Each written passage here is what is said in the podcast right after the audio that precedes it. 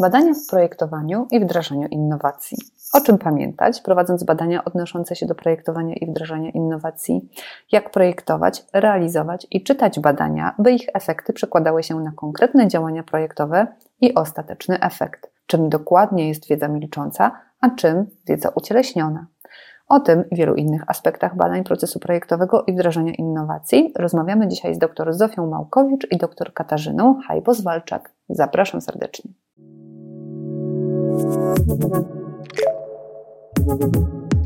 Słuchasz podcastu z cyklu Mistrzowie, realizowanego w ramach strefy designu Uniwersytetu SWPS.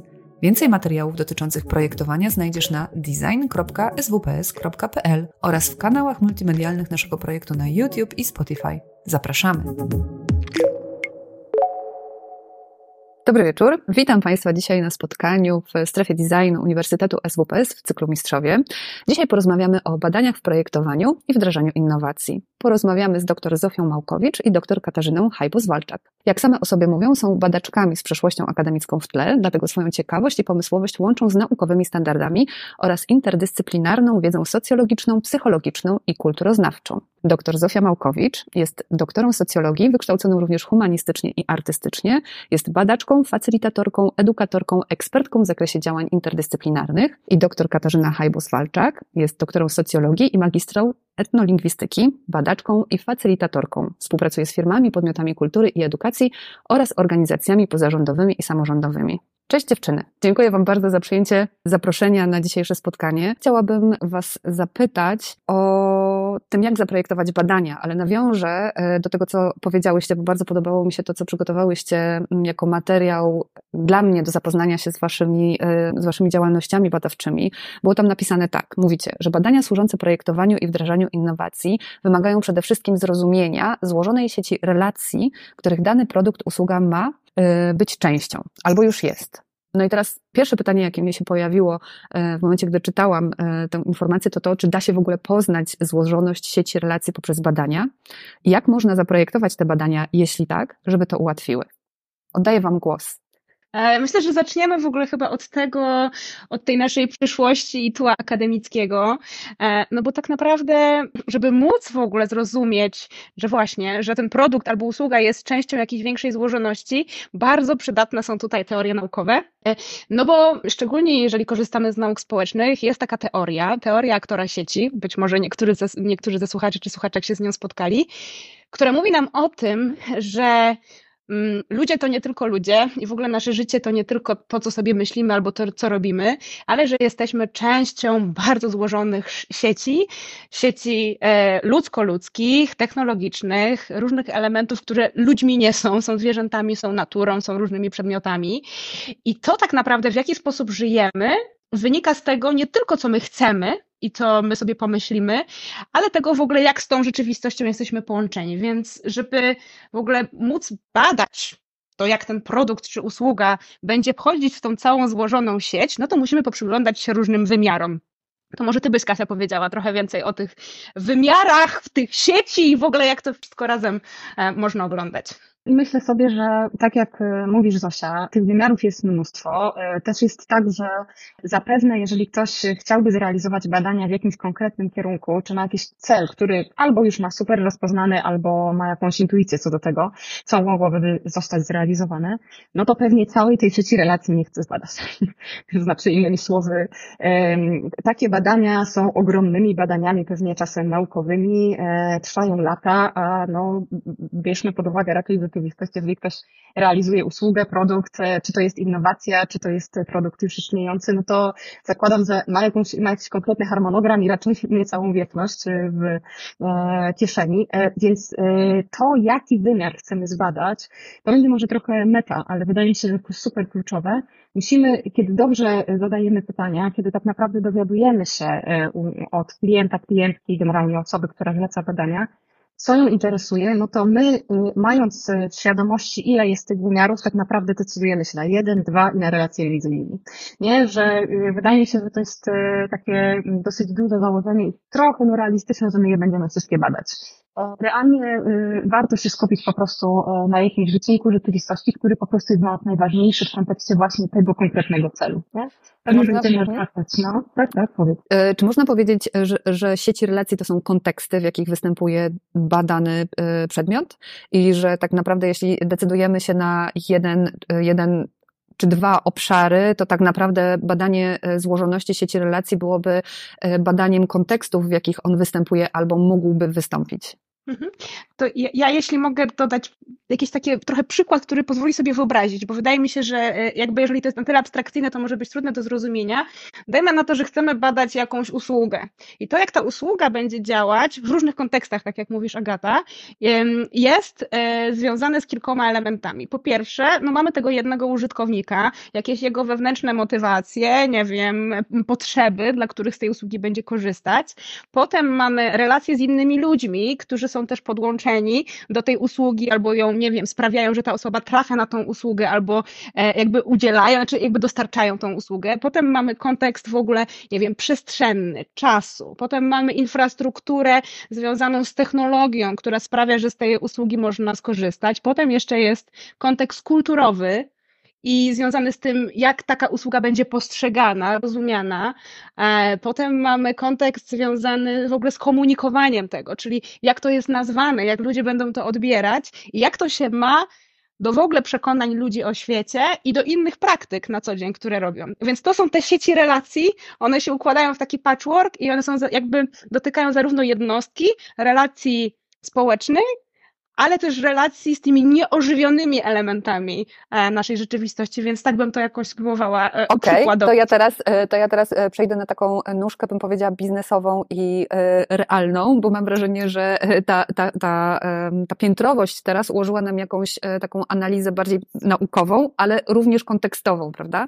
Natomiast w momencie, gdybyśmy zeszli do realizacji projektu badawczego, takiego biznesowego, bym powiedziała, bardziej przyziemnego, czy byłoby tak, że E, te kroki następowałyby po sobie, to znaczy wraz z, e, jakby, mm, z progresem w projekcie, w tym sensie, że przetestowałybyśmy najpierw jeden lub dwa konteksty i sprawdziły, czy dana usługa funkcjonuje w ogóle w tym kontekście, czy jest zauważana e, przez użytkowników i kogoś, kto ma wpływ na tych użytkowników. A jeśli tak, to wtedy zrobilibyśmy krok dwa w badaniach i zastanowili się, co w takim razie może ona oznaczać i jakie wartości są realizowane przez tę usługę albo nie są realizowane. I krok trzeci, jak na przykład taka i jeśli te wartości wypłyną nam jakieś, to jak one na przykład rezonują z innymi personami nieludzkimi, a w związku z tym wpływają powiedzmy na społeczny czy kulturowy odbiór danej usługi czy innowacji. Tak, można tak na to spojrzeć, chociaż e, z mojej perspektywy wydaje mi się, że jeszcze bardziej praktyczne byłoby e, pomyślenie tak naprawdę o takiej logice budowania tego produktu albo usługi. Jeżeli e, mm, jesteśmy e, w super komfortowej sytuacji i takiej, której lubimy być najbardziej, czyli wtedy, kiedy koncept powstaje e, i już w projekcie myśli się o badaniu, e, czyli w tej fazie eksploracji, no to możemy sprawdzać na przykład, jakie są potrzeby użytkowników, użytkowniczek, generalnie tych osób, które ostatecznie będą z usługi korzystać. E, jak oni alternatywnie e, tak się swoje potrzeby e, realizują, a może jej nie realizują, ponieważ ona pozostaje właśnie taka zostawiona i to pewnie jest ta najbardziej wyczekiwana przez wszystkich projektantów i projektantów e, sytuacja. E, więc ta faza eksploracji będzie się trochę innymi e, prawami rządziła, a później, kiedy powstaje jakiś prototyp, no to sprawdzamy sobie, co działa, co nie działa. Na koniec tak naprawdę mamy produkt, który możemy testować, nie? Więc to jest też, tak jak mówisz, taka logika iteracji, nie? I etapowości. To jest tak naprawdę najlepsza sytuacja, taka, która pokazuje bardzo wiele stadiów, i różne, e, różne pogłębienie treści, nie? Bo później przy testowaniu tam robimy sobie tak, nie, coś działa, coś nie działa, coś się sprawdza, inna, inna rzecz tak naprawdę powinna zostać odrzucona ze względu na na koszty. Może coś poprawić, ale znowu koszty wyprodukowania są na tyle duże, że to nie ma sensu. Więc, mm, więc to, to też chyba jest ważne, w jakim etapie e, rozwoju projektu e, jesteśmy. Chciałabym tylko szybko, przepraszam, e, dodać do, do, do, tego, co powiedziałaś Ty, Agato i Kasiu, że taka logika biznesowa też, jaka jakby wpływa na to też, jak zawężamy. Bo powiedziałabym tak, tło akademickie sprawia, że my mamy świadomość co do tych wszystkich wymiarów. Ale przychodzi klient, ma określony brief i ma też określony cel. On mówi, do czego ta wiedza będzie mu potrzebna. Jeden klient będzie chciał stworzyć produkt lub usługę od zera, no i wtedy będziemy szczególnie patrzyły na to, jak ludzie używają, nie? jak wygląda ta codzienność, te praktyki. Ale będzie klient, który będzie chciał dowiedzieć się, jak coś lepiej zakomunikować. I wtedy podejmujemy decyzję, który z tych wymiarów jest dla nas najważniejszy, priorytetowy i do tego dobieramy narzędzia. Czyli czy bardziej nam tutaj będą chodzić wywiady na żywo, czy może online wystarczy, czy pojedziemy zrobić obserwacje, e, czy będziemy, nie wiem, analizować, robić desk research, badać treści, które są dostępne w internecie. Jakby zawsze w danym projekcie jest jakiś określony cel już na poziomie briefu i my wiemy, gdzie kierować nasze spojrzenie, i wtedy to jest tak, że my badamy już dobranym narzędziem, ale mamy, mamy z tyłu głowy, aha, jeszcze mamy ten wymiar, ten wymiar, ten wymiar, więc sprawdzamy. To są takie na zasadzie takich małych wycieczek. A czy tam coś jest istotnego? A czy w tamtym wymiarze? Na zasadzie, że mamy świadomość tej złożoności, ale koncentrujemy się jednak na tym, co jest najbardziej istotne dla klienta i wiemy, że może mieć realny wpływ na to, czy ten produkt, czy ta usługa w ogóle zadziała i czy ona ma w ogóle rację bytu. Nie? Jasne. E, wspomniałaś, Zosiu, o narzędziach badawczych i one i o aspekcie biznesowym rozmawiałyśmy też. A przed wejściem na antenę i też przygotowując się do tego e, naszego dzisiejszego spotkania, natknęłam się na dwa narzędzia, tak bym je nazwała, które myślę, że w takim potocznym myśleniu nie mają zbyt wiele wspólnego ani z naukowością, ani z biznesem. Mówię tutaj o zapominaniu i o intuicji. Mówicie, że jesteśmy przekonani, że dzięki celowemu zapominaniu o tym, co wiemy na temat świata i ludzi oraz wykorzystywaniu weryfikowalnych metod badawczych możemy docierać do wiedzy niedostrzegalnej na pierwszy rzut oka. Wiąże się to zapominanie bardzo mocno e, z intuicją, ale teraz moje pytanie brzmi dokładnie, jak zapomnieć o tym, co wiemy na temat świata, jak pozbyć się jakichś uprzedzeń, jakiegoś celu, jakiegoś stereotypu, stereotypu tej wiedzy, z którą przychodzimy i my wiemy, no i jak wykorzystać e, intuicję i jak e, na koniec dnia powiedzieć swojemu partnerowi biznesowemu, intuicja podpowiedziała mi, żebyśmy podążali w tym kierunku. E, tak, e, zaśmiałam się, bo rzeczywiście wydaje się to dosyć trudne zadanie powiedzieć e, biznesowi, że czuję, że powinniśmy zrobić w ten sposób, prawda? To osobiście nad tym trochę ubolewam, ale słuchajcie, no to też jest trochę tak, że mm, to zapominanie jest wzięte z cudzysłów.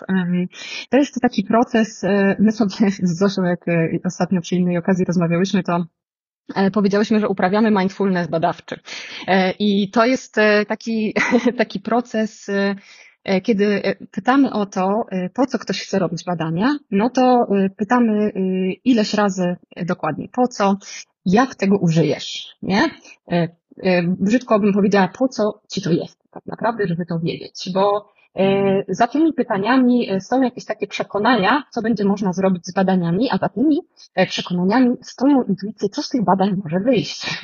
To już jest dosyć, dosyć niebezpieczna sytuacja. Czyli jakby robimy badania po to, żeby potwierdzić pewną tezę, prawda? Mhm. Tak, okay. tak.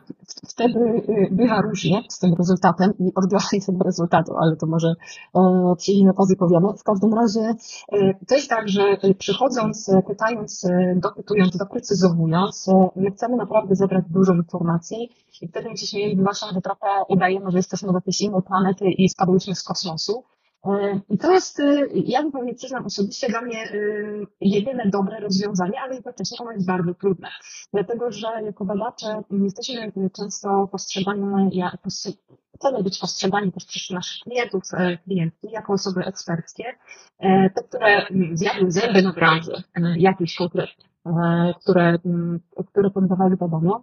E, a prawda jest taka, że e, jakaś taka fałszywa pewność albo zawierzenie swojej intuicji, jak to bywało w innych badaniach w danych firmach, naprawdę potrafi nas zaprowadzić w miejsca, w których chcemy być. Więc to jest takie mm, bardzo celowe zapominanie. To znaczy, słuchajcie, najpierw mówimy, że tak, mamy doświadczenie, zrobiliśmy ileś takich badań i mamy jakieś swoje myślenie o tym, co mogłoby pójść dobrze, natomiast e, nie możemy absolutnie zapominać o tym momencie briefu e, właśnie badawczego, briefu celu e, badań, bo jeżeli tego dobrze nie zrobimy i trochę nie zapomnimy, żeby dopytać jak dziecko, to się do nie dowiemy do końca. Nie? To, to naprawdę tam jest tyle rzeczy, które stoją za, za jakimiś przekonaniami, po co są badania, że, y, że trzeba dojść, po prostu obrać tą y, pomarańczę tak do końca, żeby wiedzieć, bo my wtedy tak naprawdę przyniesiemy dobry rezultat. Jeżeli nie, to przy prezentacji ktoś nam powie, słuchajcie, ale gdzie mam odpowiedź na to? X. No ale słuchajcie, mówiliśmy o to przejść,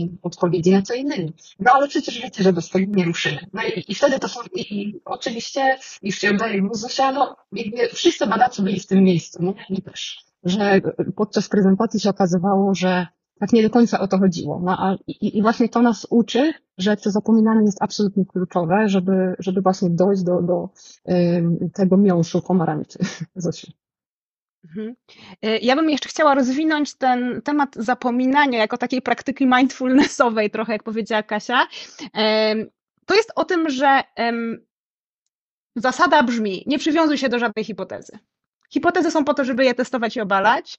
I tak naprawdę ten mindfulness badawczy polega na tym, że chodzisz z ręką na pulsie. Mówisz tak, wymyśliłam sobie tak, może jest tak, może ci ludzie tak tego będą używać albo będą się tak zachowywać, ale każda rzecz jest po to, żeby ją obalić. To znaczy, musimy przyjąć pewne założenia, musi być jakiś fundament, jakiś ground zero, od którego możemy się odbić, no bo inaczej nie zaczniemy badać. Ale to jest tak, że jak prowadzisz badania, to czasami okazuje się, no właśnie, pracujemy nad jakąś, robimy badania pod jakąś innowację, jest jakiś pomysł, że gdzieś jest nisza. No i robimy badania, no i kurde, ta nisza nie wychodzi. I jak nie będziemy zapominać, nie będziemy trzymać ręki na pulsie, to może nam umknąć inna nisza leżąca bardzo blisko, którą można byłoby złapać i powiedzieć klientowi, słuchaj, ale jeżeli to transformujemy tak, inaczej zbudujemy ten prototyp i to będzie odpowiadać na taką, taką potrzebę, ona jest tuż zaraz za rogiem, no to takie coś mogłoby nam przepaść. Więc to jest właśnie o nieprzywiązywaniu się, o byciu naprawdę antropologiem, antropolożką na Marsie mm, i jakby to jest też jeszcze ten cudzysłów do zapominania polega na tym, że my mamy tą naukową świadomość złożoności, że jakby, hej, jest tyle rzeczy, których my nie wiemy, że my za każdym razem jakby, dobra, to czego my tu nie wiemy, to czego się musimy dowiedzieć, e, bo, mm, no bo bez tego zginiemy w gąszczu stereotypów i takich potocznych przekonań, e, które nie pozwolą nam dojść do wiedzy, która jest nowa, nie? A czy myślicie, że e, wasz warsztat badawczy byłby mm, mniej skuteczny, gdybyście nie miały tej, tego doświadczenia badawczego akademickiego? Chciałabym mieć porównanie, żeby odpowiedzieć.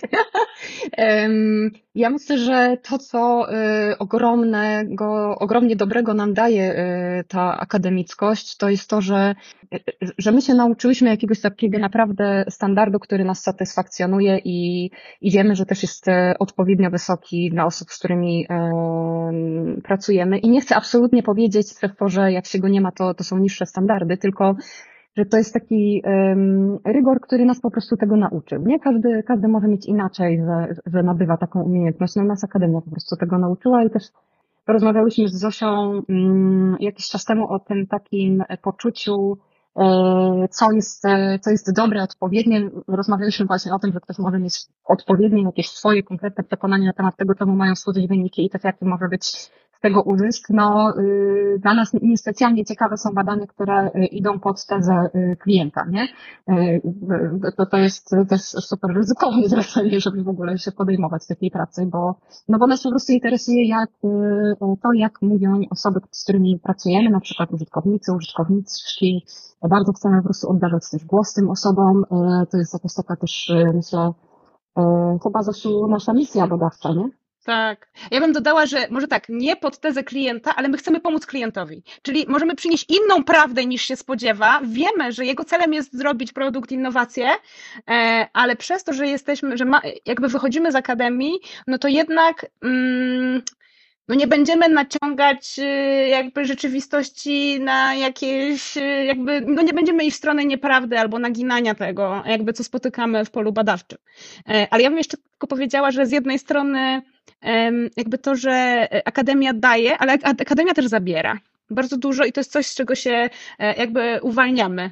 E, Let's nie discuss. Dodać, tak, ale e, to mnie okay. bardzo, bardzo za, za, zaciekawiło ta historia, co zabiera Akademia w polu badawczym. Tak, to jest tak, my to nazywamy raną akademicką, która zostaje po pisaniu multum tekstów, y, właściwie takiego bardzo ciężkiego imadła, które z jednej strony właśnie dostarcza nam tego standardu, że my jesteśmy szalenie dokładne mamy ciągłe poczucie, czego jeszcze nie sprawdziłyśmy, czego jeszcze nie zbadałyśmy, gdzie jeszcze nie zajrzałyśmy, to z jednej strony prowadzi nas do fajnych kierunków, a z drugiej strony jest taki moment, w którym już trzeba się zatrzymać, bo jest ograniczony czas, jakby e, też e, no, no, no kasa. E, na zasadzie my nie możemy już pracować po, powyżej tego, co, co jakby sobie zaplanowałyśmy i jakby akademia zabiera też to, że, mm, no bo tak, jaki jest output wiedzy naukowej? Output wiedzy naukowej to jest e, tekst, który się publikuje w czasopiśmie i to jest jakby top of the top. Potem są książki, potem są konferencje i tak dalej.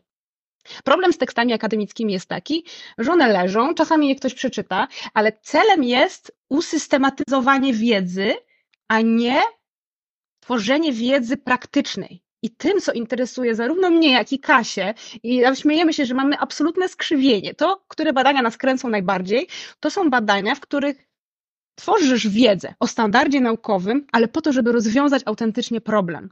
Bo to, o czym rozmawiamy wielokrotnie, to to, że jakby badania naukowe rzadko kiedy zajmują się autentycznym rozwiązaniem jakiejś rzeczywistej potrzeby, a rzeczywiste potrzeby pączkują tu i teraz, wszędzie. A myślę, I że, Zosiu, przepraszam, e, e, wejdę Ci e, w słowo, że to niekoniecznie musi być rana akademicka, ale jest to pewne doświadczenie, które odbite o praktykę może doprowadzić do miejsca, w którym wy jesteście teraz, że jakby macie po prostu tę świadomość i bez tego zaplecza akademickiego, tej rzetelności, dokładności, wnikliwości, e, tej etyki e, badawczej, mm, wasz, wasz produkt, wasza usługa nie byłaby tak rzetelna i jakościowa, to z jednej strony, e, ale z drugiej strony też to, to, to upraktycznienie wyników waszych badań w postaci właśnie kasy, czasu i rzeczywistych, rzeczywistego wykorzystania wyników tych badań, to jest coś, czego jakby uczelnia i tak nie da, nie? bo jakby mm, być może e, ta akademia jest właśnie po to, żeby, żeby gdzieś tam tą wiedzę niepraktyczną e, publikować, bo ona musi narastać w ten sposób, w jaki sposób rozwijamy e, tą, tą wiedzę niepraktyczną, chociaż to też jest dyskusyjne, ale nie chcę w to wchodzić. Jeszcze jedną rzecz, że jakby ta rana, do czego zmierzałam, to jest to, że mm, tak naprawdę y, okazuje się, kiedy robisz badania praktyczne, że można mieć inny output, Możesz zacząć rysować, możesz zacząć e, w ogóle porządkować tekst w inny sposób. On nie musi mieć tego rygoru pisarskiego. On może mieć ten sam standard jakby e, jakości, ale ty nie musisz siedzieć trzech tygodni na napisaniem artykułu naukowego, tylko koncentrujesz się na tym, żeby ta wiedza była przekazana w taki sposób, żeby ktoś mógł z tego skorzystać i moment przejścia, że nie musisz, ale że możesz i że twoja wyobraźnia może pracować bardziej twórczo, no to jest moment, w którym łapiesz się, że hej, ja mogę więcej niż mi się wydawało i ja mogę pracować z większą przyjemnością i frajdą, ale masz czasami takie właśnie ta rana mówi, nie, powinnaś napisać to taki, taki, tak, powinnaś wyprodukować 150 tysięcy stron, na których to będzie mam tak, plaster na tą ranę. W tym roku na Dutch Design Festival, na wystawie, która prezentowała nagrody Dutch Design Awards, jedną z nagród, nie pamiętam teraz kategorii, ale postaram się wrócić do Państwa, mówię to do, do Państwa też naszych widzów e, z informacją.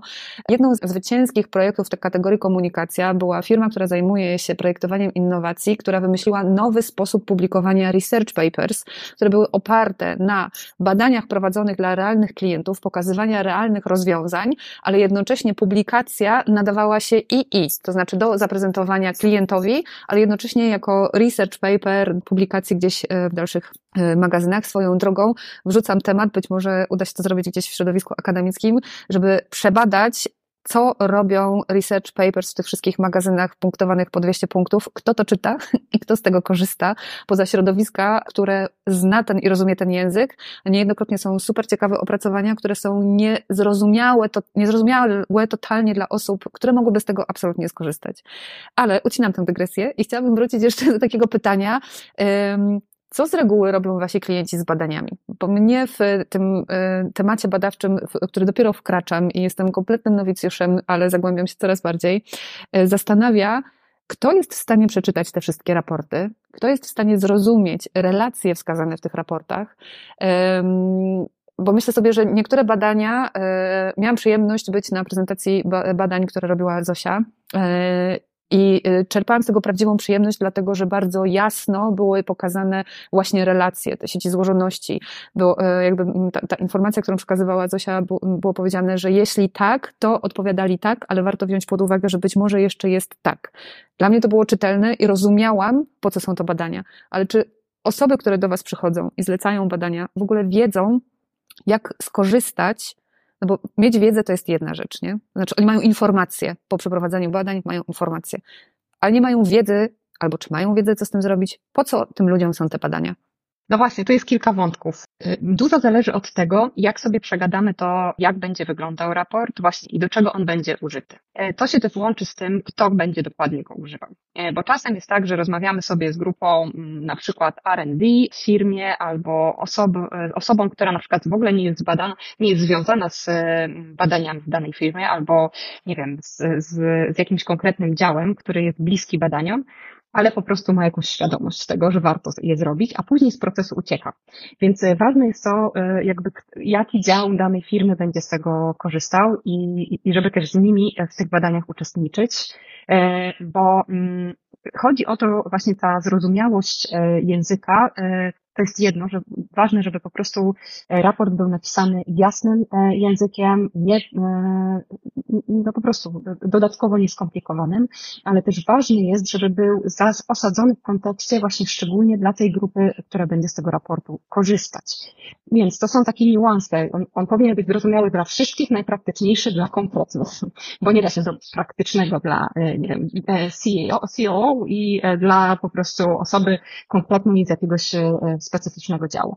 E, I, I chciałam jeszcze powiedzieć, że to, jak e, będzie rozumiany raport i co on zrobi w ogóle dalej e, u klienta, jest też w dużej mierze zależne od tego, kto będzie w ten proces badawczy zaangażowany. I teraz taki, taka gwiazdka do tego, ja absolutnie zdaję sobie sprawę i też byłam w różnych takich projektach, gdzie przecież nie było możliwe, żeby od, od początku wszyscy byli zaangażowani. Zdaję sobie sprawę, że wiele jest różnych obowiązków, ale jeżeli wiemy, że na przykład dla działu technicznego w danym momencie badania nie jest możliwe, żeby dołączyć do, e, do, do tego małego zespołu, ale jednocześnie raport będzie dla nich uczynny, no to co my robimy? Po prostu dodajemy sobie rozmowy z tym działem, idziemy tam, nie wiem, dzwonimy do nich, zbieramy informacje i od nas, od siebie dodajemy informację, słuchaj, za dwa miesiące w takiej w takiej formie będzie ta informacja zwrotna, znaczy nie będzie Ci potrzebny cały e, ten raport, ale zwróć szczególną uwagę na to na tą część, ona będzie napisana dla Ciebie. E, I e, to pokazuje, że my tak naprawdę jeszcze przed e, rozpoczęciem badań, właśnie to o tym mówiłam, ten brief, musimy właśnie razem zadać dobre pytania też po prostu wiedzieć, co będzie z tym robione i kto będzie coś z tym robił. Bo im lepiej zbierzemy tą wiedzę wcześniej, tym bardziej będziemy y, zawężać praktycznie rzeczy i włączać po prostu w proces. Ja też tak często miałem, że y, na początku y, osoby, które się pojawiały, na przykład był dyrektor, dyrektorka jakiegoś działu, na przykład jedne, dwie osoby, które były w jakiś sposób dobrane. I jednym z pierwszych rzeczy, które robiliśmy, to rozmawialiśmy o tym, kto by z systemu korzystał i kogo należy doprosić na jakim etapie badania. Więc to jest naprawdę super kluczowe, żeby raport był nie tylko po prostu tam dobrze napisane, ale normalnie praktyczne. Mm, myślę sobie o tym e, też, o czym rozmawiałyśmy jakiś czas temu, że najwspanialej robi się badania z osobami, które e, jakby dokładnie będą korzystać z tej wiedzy. To jest, i to jest na zasadzie przyjemności też pracy. Wspaniale się pracuje z projektantami, projektantkami, strategami, czy też osobami z danej organizacji, które daną wiedzę będą przykładać na działanie, będą ją operacjonalizować. Czyli do tego, żeby badania poszły dobrze i żeby raport był zrozumiały, musi być bliska współpraca z tą osobą, czy też zespołem osób, które będą tą wiedzę operacjonalizować i wdrażać w życie, jakoś będą z niej korzystać, bo oni potrafią od samego początku powiedzieć, hej, ja nie wiem tego i tego, albo chciałbym się, chciałabym się dowiedzieć tego i tego po to, żeby móc pracować. My często zadajemy takie pytanie z Kasią, jak pracujemy z klientami, jakiej wiedzy ci brakuje tu i teraz, żeby dobrze móc realizować swoją pracę, albo żeby móc dobrze zaprojektować to, żeby coś, e, coś zrobić. I ludzie to wiedzą. Ci, którzy pracują z materią, czy ludzką, czy nieludzką, czy technologiczną, oni wiedzą, jakiej wiedzy im brakuje. I oni momentalnie są w stanie skazać, aha, brakuje mi tego, tego, tego, tego. A my wtedy wiemy, okej, okay, to żeby zdobyć taką, taką, taką wiedzę, to my możemy użyć takich narzędzi, mamy tyle czasu, tyle kasy, jak to jest do zrobienia e, i możemy dalej projektować, więc ten rezultat potem z tego lejka, to co wychodzi, ten raport, on jest bezpośrednią odpowiedzią na to, co się zdarzyło na początku. Czy e, można powiedzieć, e, bo to się pojawia e, po raz kolejny w Waszych wypowiedziach, jak dobrze zadać pytanie? Czy można powiedzieć, że podstawową kompetencją badacza jest umiejętność zadawania dobrych pytań? I co to jest dobre pytanie? Tak, no to jest super, super ważne. No, wydaje mi się, że to też te y, jakieś takie y, nasze przedmioty filozoficzne, logiczne, wtedy y, mają jakieś znaczenie, ale realnie też praktyka bardzo dużo uczy. I rzeczywiście dobre zadanie, pyta, dobre, dobrze zadane pytanie jest kluczowe. Mm, jak je zadać? Ono musi być jasne, to, to, to jest oczywiste. Ono musi być też osadzone najczęściej w kontekście takiej codziennej pracy danej osoby, czy to widzianej przez rolę, czy ty przez po prostu, co wiemy o tej osobie. Mm, ale ja bym chyba chciała powiedzieć też o y, rzeczy, mm, tylko nie wiem, czy, czy to tutaj y, jakoś tak bardzo pasuje, y, bo tak sobie teraz pomyślałam, że to jest też bardzo ważne, żeby generalnie się rozumieć z ludźmi. To, znaczy, to jest jakiś taki bardzo duży temat komunikacyjny, że y, dla mnie na przykład, y, jak zaczynałam y, pracę badaczki, jeszcze tak mniej świadomie na studiach robiłam rzeczy, wtedy nawet tego nie wiedziałam, że ja się tak tego uczę, ale naprawdę ogromna część pracy badacza, badaczki, to jest po prostu komunikacja z ludźmi. I jeżeli mm, jest z tym trudność i się mm, nie czuje, co jest na przykład, co haczy w relacjach, bo, bo ta, ta wiedza taka, która też czasem jest widoczna, niewidoczna, no to czasem to, to, co widzimy, nie? To, że y, na przykład y, y, dostajemy taki konkretny cel badawczy, żeby właśnie głównie produkt był poprawiany, a my widzimy już na spotkaniu, że tam naprawdę haczy w relacjach i kultura organizacyjna. To przeszkadza w realizacji badań, bo okaże się, że ludzie będą pewnie ukrywać pewną wiedzę, którą mogliby się podzielić i nie będą szczerzy na poziomie, po co im jest ta wiedza, nie? Pytanie jest, czy w ten sposób Hmm, to mi się bardzo dużo otwiera, a nie chciałabym jakby e, e, pójść w tym kierunku, ale z jednej strony e, rozumiem tę trudność, że jeżeli coś nie haczy w kontekście zleceniodawcy, to już jest trudność w realizacji badań, ale czy w związku z tym na przykład można przeprowadzić badania i potraktować je powiedzmy terapeutycznie i powiedzieć, hej, słuchajcie, my jak gdyby zebrałyśmy wiedzę od was z organizacji, zbadałyśmy te rzeczy, przychodzimy z takimi wnioskami i wniosek też jest jeden. U państwa w organizacji coś nie styka na poziomie komunikacji, relacji, i te badania wnoszą jakąś wartość, którą teraz polecamy jak gdyby przebadać i przefiltrować to, co Państwo mogą w organizacji. W przeciwnym razie nasza praca i Państwa oczekiwania są przeciwskuteczne, bo po prostu nie przynoszą oczekiwanego rezultatu. Zdarzyło Wam się kiedyś tak powiedzieć komuś? Klientowi? Ja myślę o tym, że, mm, bo to jest tak, wracamy do początku całego procesu badawczego, czyli mamy jakoś zdefiniowany cel. No i powiedzmy, mamy założenia, hipotezy, to jest znowu otrzymaniu ręki na pulsie. Zakładamy, że szukamy tych rozwiązań albo tematów w, w obrębie na przykład, no nie wiem, praktyk, codzienności, bo ta usługa będzie na przykład tego dotyczyć, a okazuje się, że haczy właśnie o, o to, co się dzieje w organizacji. I wydaje mi się, że uczciwość badawcza, uczciwość ludzka polega na tym, że wracam do klienta, zanim zamknę badania. I mówię o tym, że tu jest jakiś, coś się przesuwa, i pytanie jest jakby też o zgodę, nie? Czy jakby jakie są, jakie mamy wyjścia? Czy e, pogłębiamy to i będzie to trochę inny raport, no bo to by było o zmianie celu, na który się umówiliśmy na początku, nie? Czy jakby jeżeli to jest tak duża bariera, że nie będzie można realizować dalej badania, no to może trzeba zastanowić się nad tym, jak inaczej zrealizować te badania. No bo e, wymiarów znowu jest bardzo wiele i narzędzi jest bardzo wiele, ale wydaje mi się, że kluczowe jest to, że no badacz nie, jakby nie wsiada do czołgu i nie jedzie, nie? No właśnie to jest też o tej elastyczności, o czuciu, o, o reagowaniu na rzeczywistość i też takim, no, mm, nie wiem, gadałyśmy jakiś czas temu z Kasią, że tym, co najbardziej przeszkadza w ogóle badaniom i, i, i jakby i różnego rodzaju projektom jest myślenie magiczne i takie odklejenie od rzeczywistości, a naszą rolą jednak jest spotykać ludzi z rzeczywistością, więc my wtedy wracamy i mówimy, słuchajcie, tu jest tak, tu jest taki problem, co z tym robimy? I my nie decydujemy same, nie? Okej, okay, ja się zatrzymam, e, zatrzymam się przy myśleniu magicznym, zanim przejdę do, do tego, o czym zaczęła mówić Kasia, czyli o wiedzy milczącej, ucieleśnionej, bo ją zaparkowałam w odpowiedziach, jeśli chodzi o, o, o komunikację, a myślenie magiczne mnie teraz bardzo mocno zatrzymało, czy, to, czy myślenie magiczne można powiązać e, z tym, że zlecamy wyniki badań, które już znamy, to znaczy, że, że zatrudniamy badaczy po to, żeby nam potwierdzili tezę, którą mamy. No i to jest takie myślenie magiczne, że to po prostu e, będzie tak, jak ma być, nie? Czyli mm, to jest o tym? To jest, może być o tym, może być na przykład prezentujesz wyniki, a tam jest nie, to tak nie może być, to jest niemożliwe, nie. Albo taka potrzeba jest na pewno, na pewno, na pewno jest, to jest niemożliwe, że wam wyszło, że jej nie ma. To, to jest tym. Kasia, tam było chyba jeszcze trochę tego myślenia magicznego, nie? Jak ty to pamiętasz? Tak, to znaczy e, i, e, i to e, czasem się zdarza także e, u osób, które bardzo są przywiązane do, do też takiej konkretnej wizji właśnie produktu, usługi, to, to bywają projektanci, projektantki, którzy osobiście po prostu za dane dzieło odpowiadają i to jest zupełnie naturalne na poziomie też ludzkim, że oni e, naprawdę też wcześniej zrobili robotę, żeby sprawdzić, czy jest odpowiednia e, pewnie e, usługa czy produkt.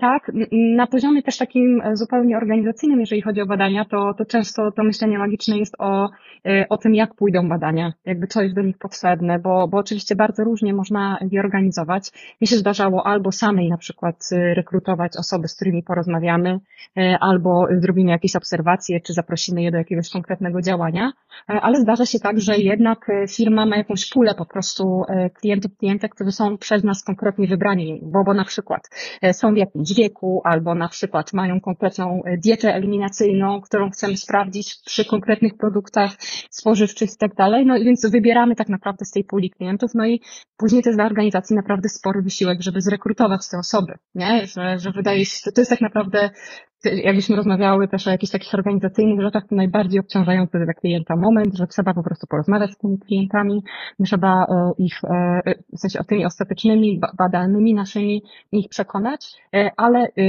tak zupełnie na marginesie wydaje się, że to są bardzo wartościowe wtedy badania, bo wtedy osoba, która zleca badania, uczestniczy w tym procesie, w zdecydowanie większym stopniu, niż jak my im rekrutujemy osoby, bo słuchajcie, no oni rozmawiają z tymi osobami. Ja czasem zdarza mi się, ale przy bardzo szczególnych y, sytuacjach musimy sobie to i y, sprawdzić, zdefiniować i tak dalej, że czasem osoby są też pod, y, w sensie po prostu przedstawiciele firmy w jakiejś sytuacji badawczej albo części tej sytuacji, I to działa fenomenalnie, jeżeli chodzi później o pracę warsztatową na wynikach, nie? Na, na jakichś takich kierunkach wdrożeniowych.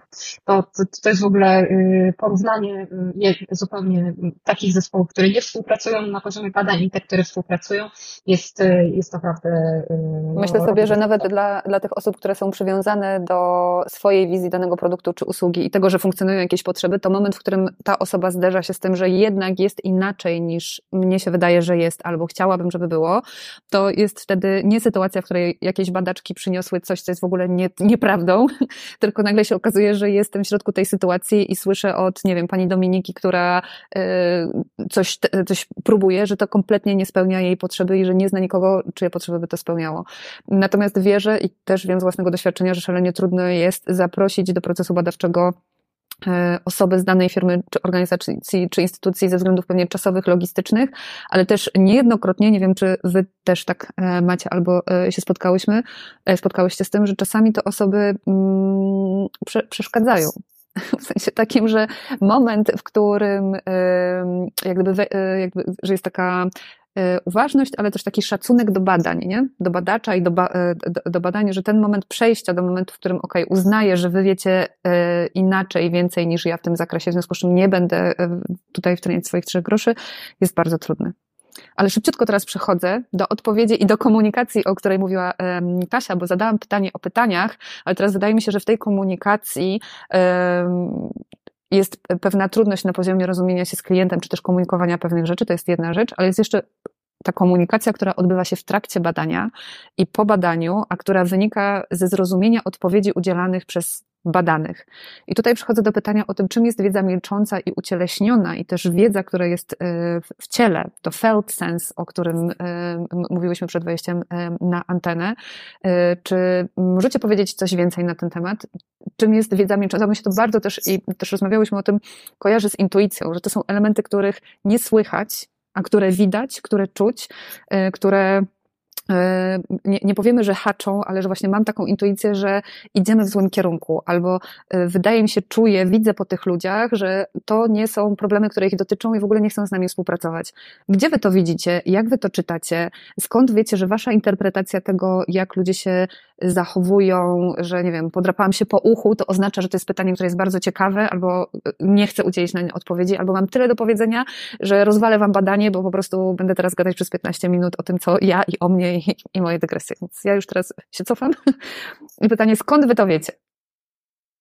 Okej, okay. to, to może ja zacznę, potem Kasia też z przyjemnością Ci oddam głos, e, bo, bo jeżeli kiedy mówimy o wiedzy milczącej, czy też ucieleśnionej, pytanie, czy pytamy o naszą wiedzę milczącą, czy tą u respondentów, no bo tak ogólnie z definicji, bo ogólnie z definicji wiedza milcząca e, to jest wiedza związana z tym, jak robić rzeczy, jak one się mają do innych rzeczy w naszym życiu, czyli my po prostu umiemy. To są jakby umiejętności albo reakcje, jakieś nieuświadomione przekonania, właśnie sposoby działania, pewne mechanizmy, e, które, które są częścią jakiejś większej całości. I to jest wiedza, która nie jest deklaratywna. Co to znaczy, że nie jest deklaratywna? Ludzie właśnie nie są w stanie, kiedy ją zapytamy o to wprost, jak coś robisz, oni nie zawsze będą w stanie nam to powiedzieć, oni muszą zacząć to robić, e, żeby w ogóle wiedzieli, jak, jakie coś jest, to szczególnie na przykład przy projektowaniu jakiegoś rodzaju rozwiązań związanych z codziennością, to, to, to jest tam i to jest bardzo potrzebne.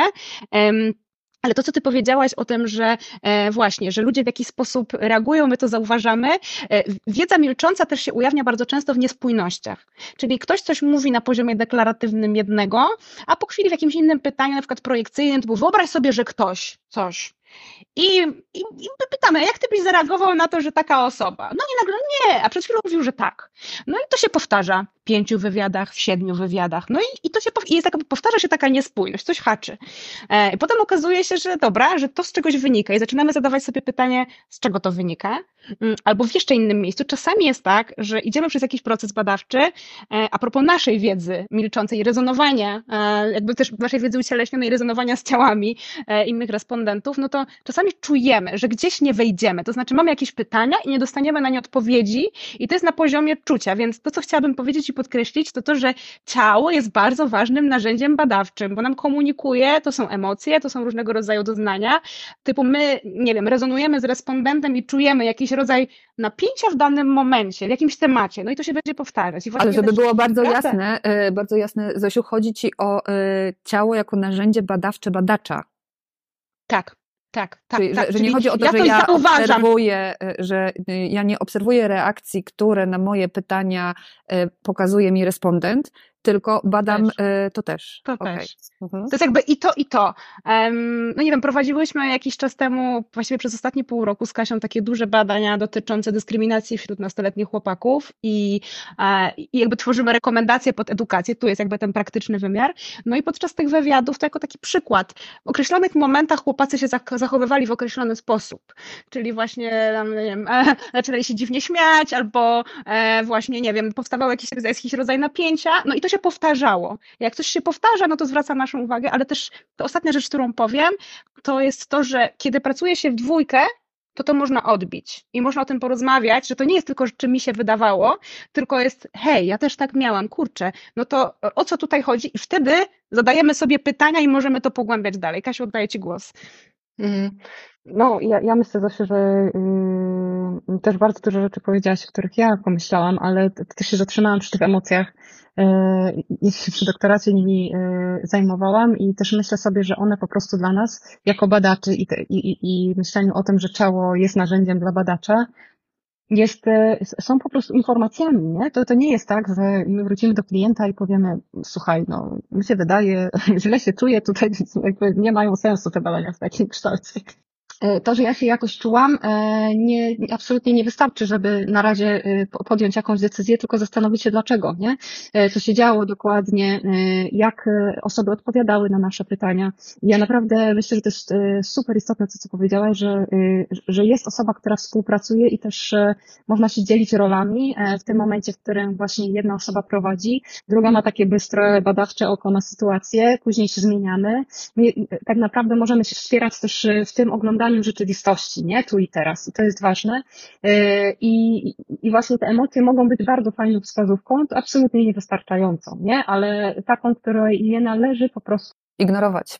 Ignorować i chować do kieszeni, bo mm, to, to, to się zawsze zemści. Jasne. Mam e, tutaj e, bardzo mocno chcę podkreślić to, co wybrzmiało e, u Was obu, że mm, rola partnera w badaniach, tak, czyli osoby, z którą przeprowadza się badania jest istotna ze względu, mm, myślę, że z, dwóch względów, które ja usłyszałam teraz bardzo mocno. Po pierwsze, że można odbić i zweryfikować, hej, czy masz tak samo, czy, czy nie masz tak samo, a druga, druga sytuacja to ten ogląd rzeczywistości, nie? że jakby kiedy ja łapię jakiś bias i odpływam w jedną stronę, to jest ktoś, kto może pomóc mi zobaczyć ten, ten ca cały jakby ekosystem z innej perspektywy. Tak, y, ja, ja też bardzo chciałabym podkreślić, co powiedziałaś teraz. To jest nasze doświadczenie też y, po jakichś częściach badań, że wracamy. No my jesteśmy też tych, które tak się trochę lubią pozajeżdżać od razu i, i jest pytanie, że zaczniemy pisać raport, to już mamy y, część wniosków, albo hipotez, e, żeby je posprawdzać. W każdym razie e, do siebie wracamy i mówimy, słuchaj, czy ty też tak miałaś, czy ty uważasz, że tak? I później część rzeczy odpada, bo, bo są naszymi rzeczami, które później się nie sprawdzają, ale część właśnie zostaje. I, te, i ta walka z tymi biasami, o których mówisz, jest super istotna, żeby drugie, drugą parę oczu, uszu i jeszcze dodatkowe mózg. Dokładnie, tak, tak, no bo mm, właśnie yy, my mamy świadomość, no jakby właśnie trzymamy rękę na pulsie nie tylko w kontekście celu badawczego, ale też własnych bajasów. I szczerze powiedziawszy, no obecność drugiej badaczki jest kluczowa, bo my znamy też już siebie na tyle, yy, że wiemy, aha, to może cię tak ruszyło, bo to się kojarzy z tym albo z tamtym i to nas po prostu sprowadza yy, do rzeczywistości, ale myślę, że no też nasza decyzja o tym, żeby współpracować, no bo jednak wychodzimy z systemu akademickiego, w którym pracuje się indywidualnie, i pracuje się na własne konto. I po jakimś czasie też takiej pracy właśnie my same kontra, e, kontra firmy, kontra organizacje, byśmy już doszli do takiego wniosku, że właśnie ta druga para oczu, rąk, uszu jest kluczowa do tego, żeby jednak być bliżej rzeczywistości, ale też, żeby mieć lepszy kontakt z samą sobą i ze swoimi własnymi narzędziami badawczymi, pomysłami. Czasami nas to zadziwia, że hej, jak to jest możliwe, że jak ty mnie ty ze mną konsultujesz, to ja mam takie wspaniałe pomysły, a ja do swoich po prostu e, nie potrafię, więc jesteśmy, śmiejemy śmiejemy się, że jesteśmy outsourcujemy czasami wyobraźnię e, i outsourcujemy też taką uważność. No to jest super to, co powiedziałeś, że, że jakby e, praca, praca z kimś też e, wyzwala naj, najlepsze własne strony. Nie? Nagle się okazuje, że potrafimy pomyśleć po prostu inaczej, ale potrzebujemy tylko takiego boostera, ale to też trzeba czuć, tak sobie myślę, nie? To też trzeba w sobie zbadać, czy osoba, z którą jesteś, co ona tobie robi w, w tej, w ciele, w intuicji, jak ty to czujesz, nie? Albo gdzie, gdzie masz też swoje granice, w których możesz powiedzieć, dobra, dobra, to już nie są moje wnioski i to już jakby y, tu stop. Słuchajcie, a chciałabym was zapytać, jakie badania z waszego e, doświadczenia doświadczenia pomagają we wdrażaniu y, innowacji. Y, czy jest jakiś specjalny typ badań albo y, sposób prezentacji? O tym trochę mówiłyśmy, że ten cel badań i dla kogo są te badania trochę definiuje, w jaki sposób prezentowane są potem te badania, ale czy wy wiecie, co się z nimi dzieje potem, żeby umieć powiedzieć, te badania pozwolą je wdrożyć, nie? Zosia. Ja wiem, ja bardzo krótko. Po pierwsze, iteracje i badania od początku, eksploracja i testowanie. Jeżeli badania są tylko na jakimś etapie jednym, to za mało. To jest pierwsze. Po drugie, różne narzędzia badawcze. I to jaki jest cel badania, określi nam to, jakie narzędzia będziemy dobierać, bo narzędzia są jakby drugie w kolejności do celu. Więc iteracje i e, tak, to tak chciałam powiedzieć. Kasia. Ja myślę, że to są najważniejsze rzeczy. Ja bym jeszcze dodała mimo wszystko mm, dodanie tego zespołu, do zespołu badawczego osób, y, nawet nie, które prowadzą badania, ale po prostu, które z nami na początku trochę popracują, skonsultują na przykład część ramy badawczej. My będziemy mogły z nimi po prostu popracować nad założeniami, żeby to było tak rzeczywiście w dialogu robione, bo wtedy wiemy, że, y, że to trzyma się jak najbliżej celu. Jasne, czyli rozumiem, że narzędzia, to co powiedziała Zosia, że one są jakby wtórne do celu badawczego, że one są po prostu dobrane. Mhm. Ale jeszcze chciałabym dodać a propos narzędzi i uzupełniania, to to, co nam się sprawdza bardzo dobrze, to jest naprawdę łączenie narzędzi jakościowych i ilościowych. Nie da się pójść tylko jedną drogą. E, to jest jakby to jest clue, ponieważ przy pomocy narzędzi jakościowych my eksplorujemy, ale my nie powiemy na jaką skalę. Więc do tego, żeby coś dobrze wdrożyć, czyli upewnić się, że, ta rzeczywistość jest taka, jak nasze hipotezy z tych badań na przykład eksploracyjnych, naprawdę fajnie jest robić badania ilościowe i łączenie tych dwóch grup i to mogą być różne narzędzia w ich ramach, e, no bo to nie tylko jest wywiad i ankieta, no ale jest cała gama jeszcze innych narzędzi, z których można korzystać, właśnie jakościowych ilościowych i to uprawdopodobnia powodzenie wdrożenia, tak bym powiedziała. Macie jakieś swoje ulubione narzędzia, które nie są wywiadem i ankietą? Ja przyznaję, że ja bardzo lubię takie, tak mieszać i e, oczywiście w oparciu o jakieś takie schematy, które sobie wcześniej przygotowujemy, ale robienie wywiadu, ale na przykład kogoś w domu, to jest w ogóle zupełnie inna jakość niż wywiad. Jak wywiad, to po prostu przyszłam tam, gdzie mnie zaprosili, absolutnie nie. To jest jakby oczywiście zależy też od od kontekstu badań, ale też na przykład jak, e, jak się robi te e, badania wszystkie związane z takimi technologiami, jakieś strony internetowe, aplikacje, to ja też lubię, jeżeli to są badania, które po prostu nie są łączeniem przez jakieś narzędzie internetowe, no bo wiadomo, że to jest proste, nie? I to jest łatwiejsze też w kontekście kosztów, bo można po prostu udostępnić ekran, ale jak ja widzę, jak ktoś po prostu używa tej komórki, gdzie on szuka, czasem zanim udostępni ekran, robi 500 rzeczy, których nam nie opowie i do których nie mamy mamy dostępu, więc kontakt z drugą osobą jest naprawdę ważny. Wtedy, kiedy ważne są deklaracje, kiedy ważne są przekonania, no to my możemy zrobić ten wywiad na online. Ale wtedy, kiedy my chcemy chociaż trochę utknąć praktyk, no to Najlepiej na żywo. Mhm. Prawda? Wywiad mhm. nie jest o praktyce, wywiad jest o przekonaniu. Podobnie jest z, z ankietą. To, te wszystkie właśnie metody, gdzie mamy kontakt z osobą i obserwujemy, dodają po prostu taką super dodatkową, fajną y, warstwę. Czy ty wtedy do scenariusza wywiadu masz jeszcze pod spodem podpiętą kartę obserwacji i tam sobie... Tak jest. Mhm. Mhm. Tak jest, tak jest. Raz dlatego, że jak pracujemy razem z Zofją, no to mamy to intersubiektywizm i możemy sobie o y, podobne kategorie to później podtrzymywać, a dwa, ja mogę mieć świetną formę o godzinie dziewiątej, ale słabszą o 17 i te, te y, obserwacje też mogą być różne, więc zdecydowanie formatka y, czy obserwacji, czy gry, czy spaceru, cokolwiek, co tam sobie będziemy robić, jest kluczowa. No. Super. A ty, Zosiu, masz jakieś e, swoje ulubione narzędzia, które nie są wywiadem i ankietą? To jest, y, myślę, że leży blisko, ale przyznam, że moim konnikiem są obliczenia statystyczne. Ja lubię. To jest, y, ale dlatego lubię sobie powykręcać numerki i popatrzeć, co tam jest i pogrzebać w danych, ale tak naprawdę poza tym ja uwielbiam robić badania, które są robieniem rzeczy z ludźmi. Właśnie uwielbiam badanie praktyk, to co powiedziała Kasia o byciu w kontekście. Ja bardzo też lubię, mm, lubię badania warsztatowe. E, właśnie, kiedy trzeba coś zrobić, trzeba coś razem popatrzeć na jakąś dynamikę, e, jest więcej ludzi, dzieją się różne ciekawe rzeczy i bardzo lubię badania z wykorzystaniem narzędzi wizualnych. Czy z wykorzystaniem nie wiem, wideo, aparatów fotograficznych, też analizy wizualne. To są takie też moje duże przyjemności e, związane z wykorzystywaniem tych narzędzi wyciągniętych jeszcze ze świata artystycznego na samym początku. Zacieram ręce. Wspaniale. To, e, to chciałabym jeszcze, e, kończąc pomalutku, zmierzając do końca naszej rozmowy, chociaż e, tu mi się dopiero otwierają wrota, to chciałabym Was zapytać, bo jakby same badania i sam świat badań, on ewoluuje. Same te metody, o których wspominacie, czy powiedzmy obserwacja uczestnicząca wzbogacona wywiadem albo wywiad wzbogacony obserwacją uczestniczącą, czy, czy wykorzystanie technik wizualnych do tego, żeby sprowokować jakąś sytuację, żeby zobaczyć, jak ludzie działają powiedzmy nawet wbrew swoim przekonaniom, bo wydaje mi się, że jeżeli zrobimy prowotypy i zbadamy, w jaki sposób ludzie będą reagować na pewne sytuacje, to zbadamy u nich reakcje, co do których mogliby mieć inne przekonania, nie? I wtedy jak gdyby zobaczymy to, co naprawdę gdzieś tam w nich siedzi i co, co, co ich motywuje, nie? Ale y, do sedna. Zmierzam do tego, czy jest coś w świecie badań, co dla Was jest zaskakujące. Y, czy pojawiają się jakieś nowe metody, sposoby mm, badania innowacji, innowacji społecznych, innowacji technologicznych? Czy sam świat badań w jakiś sposób ewoluuje? Mm, do czego zmierzam trochę, żeby dać Wam kontekst, mnie fascynuje opowiadanie danych. Zosia mówi, że jej fascynacją jest statystyka. Mnie fascynuje to, co jest za tymi cyferkami i liczbami. Nie? Jakby ja nie rozumiem statystyki, ale rozumiem, jak ktoś mi pokazuje y, obrazowo sytuację, w której nie powie mi, że na przykład y, 100 badanych w 100 milionowym kraju robi coś tam, tylko powie, wyobraź sobie, że jesteś główką od szpilki w stogu siana, która mówi, że lubi miód. I czy w związku z tym otworzysz kolejną, chciałam powiedzieć pszczelarnię, ale to się tak nie mówi, pasiekę, po to, żeby produkować miód dla tej główki od szpilki, nie? Więc zadaję to pytanie, co Was intryguje, interesuje w trendach, w badaniach? Mhm.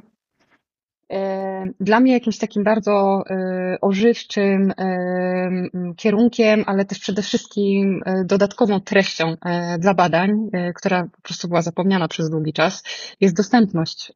To znaczy teraz jest na szczęście coraz więcej mówi się o potrzebie dostępności produktów i usług dla coraz większej grupy osób, o bardzo różnych potrzebach, niezależnie od tego, czy są to osoby z niepełnosprawnościami, czy są to osoby o jakiejś alternatywnej motoryce, czy to są osoby, które po prostu kompletnie korzystają po prostu z jakiejś funkcji. E, I wydaje mi się, że y, badania teraz nadążają za tymi potrzebami, które należy zbadać. Bo no właśnie, inaczej będzie na przykład się pracować z e, e, testowaniem dla strony czy aplikacji dla osób, które są niewidzące.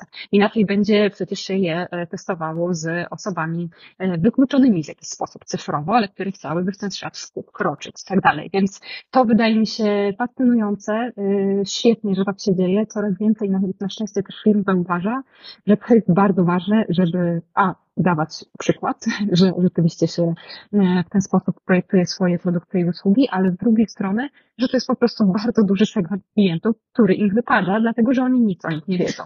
E, I, i to jest super ważne, żeby po prostu tą wiedzę uzupełniać. E, więc ja, ja tutaj jakoś kładę chyba akcent. Ale też bardzo mnie zainteresowały te metafory, o których mówisz, nie? Że, że po prostu tak te dane można opowiadać, bo to rzeczywiście jest ciekawy klient.